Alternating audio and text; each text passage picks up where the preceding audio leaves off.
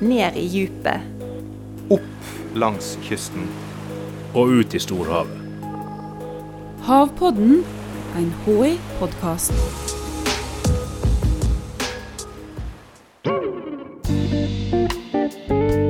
Å føre generasjonene videre. Det er viktig for alle arter. Og det er mange måter å gjøre akkurat det på. Du har kanskje ikke tenkt så nøye over det, men visste du at òg fisk og dyr i havet kan ha et til tider ganske så kreativt sexliv? Jeg heter Vivian Husa, jeg er forsker her på Havforskningsinstituttet. Vi mennesker vi prøver jo ofte å sjarmere hverandre, men også i havet flørter de. Sånn er det jo i havet òg, at det er veldig mange dyr som, eh, som viser at de er interessert i sex på forskjellige måter. Eh, F.eks. noen de skifter farge når de er interessert i sex. Eh, og blekkspruten kan f.eks. lyse opp i mange fantastiske mønster for å vise at nå er han klar. Hummeren den er sånn at den ypper, Der er det hohummeren som ypper til slåsskamp for å se om det er noe futt i karene. Og hvis hun taper slåsskampen, så skjønner hun at dette er en skikkelig kar. Så da legger hun seg på rygg og gjør seg lekker. Men hvis, hvis hun vinner, så er det ikke kjangs.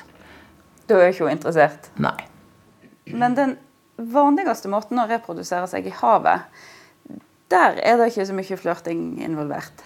Nei. Det er vel stort sett sånn at det er en masse, masse orgier der dyrene slipper ut Eller både dyr og alger slipper ut egg eller frø og sperm. Og da er det gjerne sånn at vi tror at det f.eks. daglengde eller temperatur eller månefaser. Mange, mange dyr de gyter når det er fullmåne. Og vi tror òg at det er eh, kjemiske signaler i vannet som setter i gang og sier OK, nå gjør vi det. Nå passer alt. Så det er altså gruppesex er den vanligste formen for sex i havet? Det er det vanligste. Og da produserer de veldig masse egg eller larver. Og så er det jo veldig lett for eggene og larvene å spre seg med strømmen. Så da eh, ja. Men hvordan treffes holdt på å si, disse eggene? Må vel befruktes på en måte, eller hvordan virker det? Ja, mange, mange fisk f.eks. De har jo gyte De har jo spesielle plasser som de gyter på. Så hoene legger eggene, og så kommer hannene og befrukter, eh, befrukter eggene. I noen tilfeller er det hardt å være kar. I alle fall hvis du er blekksprut. Ja, der er det sånn at blekkspruthoene de er ganske aggressive. Og de har lyst til å kvele og kverke mannen når han har befrukta dem. Sånn at blekksprutene de vil helst ha sex på minst en armlengdes avstand. Eller så vil de ha et veldig godt grep om, om hodet, sånn at de er sikre på at de ikke blir gjete. opp.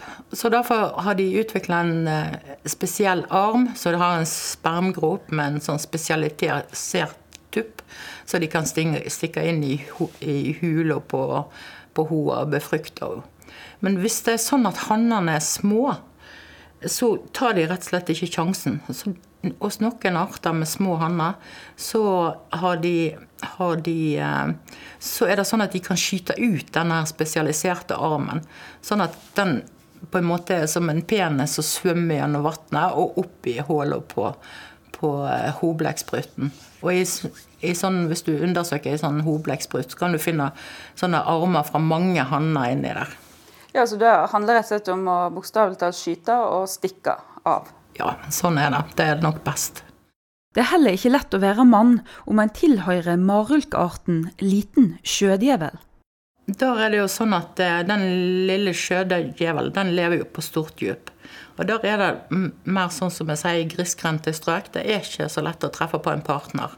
Så hoene til denne lille sjødjevelen, den har eh, funnet ut at det er jo best å ta karene med seg. Sånn at, at når, når hannene er 1 cm store, så suger de seg fast i buken på, på hoet. Og så forsvinner øyet og hodet, og han har ikke noe selvstendig liv lenger. Han bare henger der som en sånn kjønnssekk resten av livet. og befrukter hoene, hoene når de har eh, bruk for det. Eh, og så er det faktisk en verdensrekord i havet òg, og det er verdens lengste penis. Eh, det er faktisk ruren eh, som har en penis som er åtte ganger kroppslengden. Eh, rur det er sånn lite krepsdyr som sitter inni de hvite små skjellene som er så greie å tråkke på når du skal gå i land på en glatt holme. Når det er tid for å befrukte seg, så stikker han den penisen ut av det skallet og til de nærmeste hoene som sitter rundt, så han befrukter dem. Eh, på bølgeeksponerte lokaliteter så er det ikke så lett å holde styr på denne penisen, så slenger frem og tilbake i bølgene. Sånn at du ser at eh, på sånne plasser så har, har, de faktisk en kortere og kraftigere penis som liksom tilpasser seg bølge, bølgeslagene. En del arter i havet de dropper like godt hele sexen og kloner seg sjøl. Det er jo veldig praktisk. Det er jo ganske mange alger i havet som eh, har den taktikken, sånn som f.eks. japansk drivtang, som er eh, en art som kom her til landet på 80-tallet. Den eh, bare løsner om høsten, og så flyter den av gårde. Og så befrukter den seg sjøl og slipper små babyer langs hele kysten. Så det er veldig effektivt. Men det er mange dyr også faktisk som kan klone seg sjøl. F.eks. en svamp kan du kutte opp i bitte små biter, og så vokser opp et nytt individ fra denne biten. Så det er jo både fordeler og ulemper med det. Det er greit, for hvis du er ny på en plass og ikke treffer på noen, så, så har du sjansen til å formere deg sjøl på egen hånd. Men det er jo òg bakdeler med det at du, at du at du får en populasjon som består av mer eller mindre helt like individ. Sant? Så de er utsatt for eh, Hvis de er utsatt for stress, så har de lavere toleranse. Så er det jo sånn at en del eh, slipper ikke bare ut avkom, Eh, det blir barna da, og de, de, tar vare på ungene sine. Men det følger ikke alltid nødvendigvis tradisjonelle kjønnsrollemønster. Nei, sånn som f.eks. blekksprut. Der er det hun som passer på eh, eggene i opptil fire år. Men hos eh, du vet rognkjeks og rognkall, det er jo samme art. og Rognkjekset det er og rognkall det er hannen. Der er det sånn at det er rognkall som passer på eggene. Og han finner ei eh, passende plass å gyte grop, eller en passende plass å gyte. Og så lokker han til seg forskjellige hoer. Så kommer eh, ulike rungkjekser kommer, og så legger eggene sine i en, eh, i en klump. Og det kan være forskjellige farger fra forskjellige hoer. Og så er det han som sitter og passer på disse eggene i opptil to måneder før eggene klekkes til larver. Kjønn er ikke statisk i havet, men ganske så fleksibelt. Ganske mange arter de bytter jo kjønn. altså De blir jo født som hanner, så blir de hoe etter hvert så de vokser og blir større. Men noen de har jo sånn at de er hoe og hanner hele livet i samme individ, sånn som vi kaller for hermafroditter. Sånn som f.eks. nakensnegler. De har både hannlige og hunnlige kjønnsorgan. Og de eh, løser det ganske greit med at de legger seg inntil hverandre, og så befrukter de hverandre. Eh, og så har du f.eks. tøffelsneglen. Eh, der er det sånn at de sitter jo i en sånn kjede oppå hverandre. Det er sånne skjell som sitter oppå hverandre. Det er forresten en fremmed art òg. Eh, og så er det de nederste, de er hoer.